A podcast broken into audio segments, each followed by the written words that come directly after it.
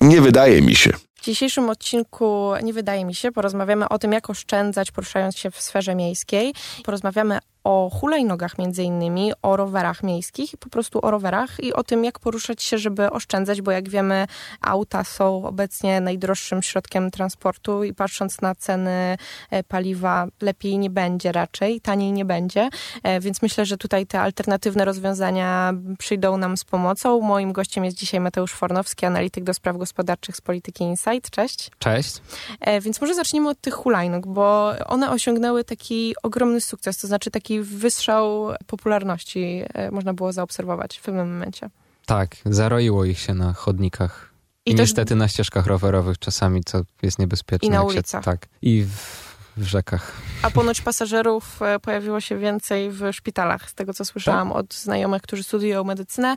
E, ponoć na sorach, odkąd pojawiły się hulajnogi, pojawiło się też bardzo dużo osób z połamanymi kończynami, ale to zazwyczaj przez wieczorne wypady. Ale tak zaczęliśmy od czarnego e, scenariusza. Ta ciekawostka a propos, nie, nie wiem czy wszyscy już się na to natknęli, którejś z aplikacji przy wieczornych podróżach hulajnogami, zanim się jakby odblokuje hulajnoga, pojawia się taki test. Test na refleks, tak, tak, tak. na jakby badający to, czy faktycznie nadajemy się do tak. prowadzenia jakiegokolwiek pojazdu. Jest, tak porze. natknęłam się na to. Tak. Już przechodząc do tych dobrych y, sfer hulajnóg, y, w czym one nam mogą pomóc i czy rzeczywiście myślisz, że one są tanie i kto, ich, kto je może wykorzystać, żeby oszczędzić jakoś sobie w mieście? Znaczy, widzę też, że są coraz droższe mhm. i jak, jako aktywny, jako osoba aktywnie korzystająca z tych hulajnóg miejskich, to widzę, że te ceny faktycznie idą do góry.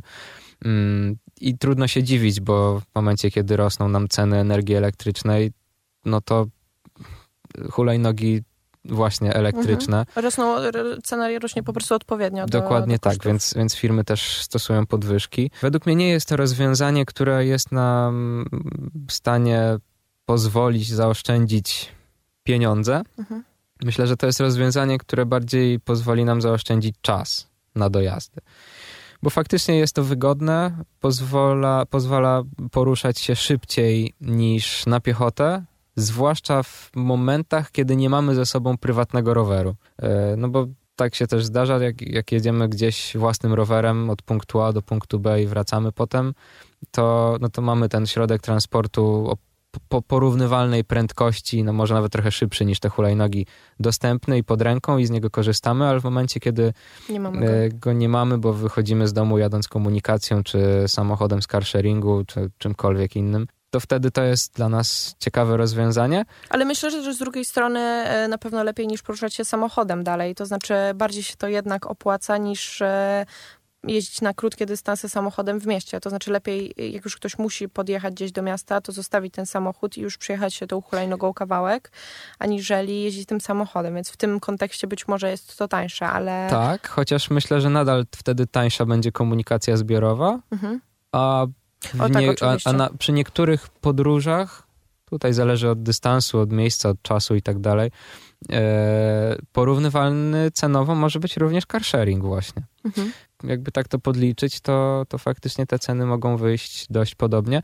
No oczywiście plusem hulajnóg, y, przynajmniej jeszcze, póki gdzieś tam legislacja nie poszła dalej, y, to nadal możemy te hulajnogi zostawiać w praktycznie dowolnym miejscu. Mhm no co nam oszczędza jednak troszkę czasu na szukanie miejsca parkingowego, zwłaszcza w centrach miast. No i przewaga tutaj w tym kontekście hulajnóg nad carsharingiem jest taka, że one są jednak zeroemisyjne, tak, same w sobie. Tak, no, chyba, że jedziemy samochodem elektrycznym. elektrycznym no tak, to... oczywiście, no ale jednak jak już porównujemy, no to można jeszcze przychodzi na myśl. Tak, chociaż w deszczu nie pojedziemy prawdopodobnie. Znaczy możemy pojechać no tak. hulajnogą elektryczną, ale to już dla, dla wytrawnych koneserów. No tak, i w zimę też nie pojedziemy.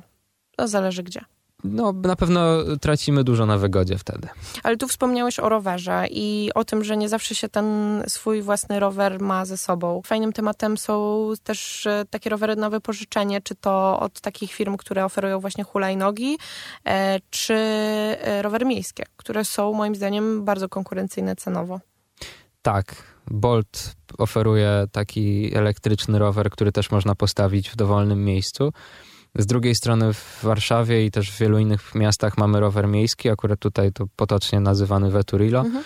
To jest jak najbardziej, to jest znaczy zdecydowanie tańsze rozwiązanie od hulajnóg e, elektrycznych, ponieważ mm, o ile się nic nie zmieniło, to mamy pierwsze 20 minut darmowe. A później to są jakieś grosze. A tak? później to są bardzo niskie opłaty, zresztą też wielu użytkowników stosuje taki sprytny, ciekawy mechanizm polegający na tym, że odstawiamy mhm. rower w ciągu 20 minut do gdzieś tam stacji po drodze i zabieramy kolejny i dzięki temu za tą 10-złotową, chyba że też się coś zmieniło, opłatę początkową, możemy przejechać za darmo całą Warszawę. Możemy jeździć cały czas. Jestem ogromną fanką właśnie tego rozwiązania rowerów miejskich, bo szczególnie w Warszawie, bo jeździłam też na rowerach miejskich w Paryżu czy w Londynie i jednak one tam nie są tak konkurencyjne cenowo. To znaczy y, ta cena wychodzi tak samo jak komunikacja miejska, taka jedno połączenie. Więc moim zdaniem nie jest to takie tanie i widać to rzeczywiście na swoim po prostu rachunku bankowym, a tutaj wypłaca się to 10 zł, które jest na bardzo długo. I tak jak mówisz, można sobie jeździć po całej Warszawie, tych stacji mamy bardzo dużo i myślę, że tutaj trzeba to podkreślać.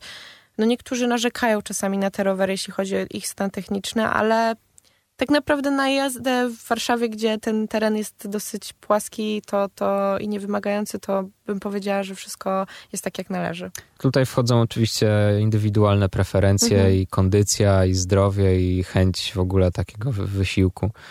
E, ale wracając jeszcze do zagranicy, to nie wiem, czy nie bierze się to z tego, że tam dużo bardziej popularne są takie wypożyczalnie rowerów długoterminowe takie. Tak, e, że jakby nie... flapis i takie inne, to, to widziałam bardzo dużo, że się płaci tak. po prostu abonament. Tak, i... tak, tak, że jakby nie masz swojego roweru, tylko tak. wynajmujesz go na długo. Mhm, mhm, Więc to...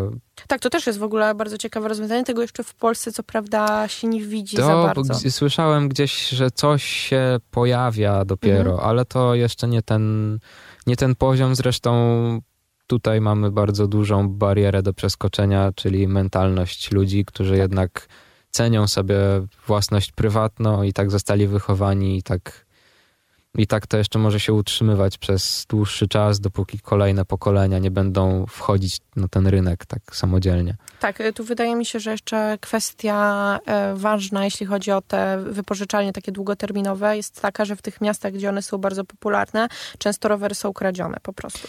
I tutaj wchodzi nam kwestia ubezpieczenia i tego, że, że po prostu bardziej się opłaca mieć taki rower, no, za który się płaci tam 16 euro czy funtów e, miesięcznie i w tym już ma się ubezpieczenie i ktoś go może ukraść, a nam się nic tak. nie dzieje. Natomiast w Warszawie chyba tak dużego problemu nie ma, ale no nie mamy tego segmentu w ogóle. Mamy albo własny rower, który też jest świetnym rozwiązaniem, ale trzeba mieszkać w Warszawie. I trzeba mieć gdzie go trzymać, bo tak. też nie zawsze to jest taka oczywista rzecz. Albo zajmie połowę mieszkania, albo trzeba do, dopłacić za jakąś komórkę lokatorską, bo nie wszyscy chcą zostawiać własny, prywatny, ulubiony rower na, na stojaku gdzieś tam na ulicy. No właśnie i nawet jak się jedzie gdzieś tym rowerem, to zawsze się ma tu z tyłu, przynajmniej ja tak mam, że jak już zabieram swój rower, to myślę o nim, czy ktoś go nie ukradnie, muszę przemyśleć to logistycznie, gdzie go zostawię, czy tam jest kamera i tak dalej. Tutaj jak się ma Veturilo, to po prostu się jedzie od stacji do stacji, a naprawdę tych stacji jest bardzo dużo. Tak. Wystarczy sobie zerknąć na mapę i każda jest, można powiedzieć, że pod nosem. Tak, i dlatego, też, i dlatego też hulajnogi elektryczne mają tą przewagę, że że je też można zostawiać nawet jeszcze bardziej swobodnie niż, niż rowery miejskie. Chociaż e, teraz rowery miejskie też mają jakby zmienić troszeczkę schemat działania tych stacji, mhm. E, bo już nie będzie tych, tak gdzieś wyczytałem, że nie będzie już tych stojaków, tylko będzie jakby taka, tak jak jest właśnie w, w, w tych hulajnogach elektrycznych, że tam będzie strefa taka parkingowa, ale że chyba też za jakąś dodatkową opłatą, mam mhm. nadzieję, że nie zmyślam teraz, będzie można ten rower miejski zostawić gdzieś poza tym miejscem parkowania. Mhm. Właśnie tak jak, tak jak e, hulajnogi elektryczne. Aczkolwiek nie, znaczy nie chcę tutaj e, komentować tego jakoś bardzo, bo akurat te stojaki moim zdaniem tworzą taki element krajobrazu miejskiego dosyć uporządkowany, a jak się patrzy na te hulajnogi czy na rowery od tych e, firm właśnie oferujących usługi wypożyczenia hulajnóg, to one po prostu są rozrzucone gdziekolwiek albo często lądują w Wiśle i, i tak dalej, a tutaj tak. jednak ten rower, żeby nam nie zabrało pieniędzy, musi być zwrócony do tego konkretnego miejsca i koniec, kropka. Tak, ja może tutaj powtórzę tą moją rozterkę z początku naszej rozmowy. No to jest po prostu niebezpieczne, jeżeli użytkownicy zostawiają te hulajnogi, zwłaszcza na środku ścieżki rowerowej, mhm. E, gdzie te rowery jednak jadą rozpędzone i mogą nie zauważyć, bo wyprzedzają innego rowerzystę, że po prostu na środku, no, czy to niby jest przy krawężniku, ale to, to nie jest miejsce do zostawiania hulajnóg elektrycznych, tak. które jakby zderzenie z nimi skończy się źle. I fajnie też jakby te firmy y, oferujące te, te usługi może jakoś bardziej zajęły się wiem, sprawdzaniem, egzekwowaniem tego, czy użytkownicy faktycznie zostawiają to w miejscach dozwolonych. To znaczy myślę, że tutaj jest kwestia tego ogromnego sukcesu szybkiego e, właśnie hulajnóg i tego, że regulacje dopiero nadążają za tym, to znaczy albo nie nadążają. No właśnie, chyba nie nadążają. Ale no, mieliśmy już wprowadzone pewne te ograniczenia typu e, właśnie, że nie można jeździć po chodniku, tylko trzeba korzystać ze ścieżki rowerowej i tak dalej, i tak dalej, więc mam nadzieję, że tutaj to będzie się rozwijało, ale myślę, że jeszcze jak już rozmawiamy właśnie o tym, o mieście i o tym, jak się przemieszczać w mieście, no to jednak trzeba podkreślić e, tutaj zalety naszej komunikacji miejskiej, która jednak jest rozwinięta i działa dosyć prężnie i dobrze funkcjonuje. W Warszawie jest fantastyczna. Naprawdę myślę... trudno, nie wiem, czy w Polsce jest jakiekolwiek inne miasto, gdzie ta komunikacja jest na chociaż zbliżonym, tak dobrym poziomie. I też jest bardzo tania. I jest bardzo tania, dokładnie. Ja muszę, jeżeli... ja muszę popatrzeć, e, znaczy porównać to z chociażby Brukselą, gdzie jeden przejazd, e, czy to e, autobusem, czy metrem, kosztuje 2,50 euro. I tak samo e, jest w innych tych dużych europejskich stolicach. Jest to przerażające. Tak, ta komunikacja jest tania i jest naprawdę daje dużą swobodę w poruszaniu się po mieście. I myślę, że dobrze by było, jakby liczba pasażerów w komunikacji, zwłaszcza teraz po pandemii, gdzie jeszcze ludzie troszeczkę są przyzwyczajeni do aut, do, mhm. do tych takich bezpiecznych, sanitarnych środków transportu, e, może do pracy zdalnej, ale do, naprawdę będzie dobrym zjawiskiem, jeżeli pasażerowie masowo będą wracali do, do autobusów, do tramwajów, do metra, e, bo to da znak organizatorowi tej komunikacji, że że jest potrzeba na uruchomienie większej liczby kursów.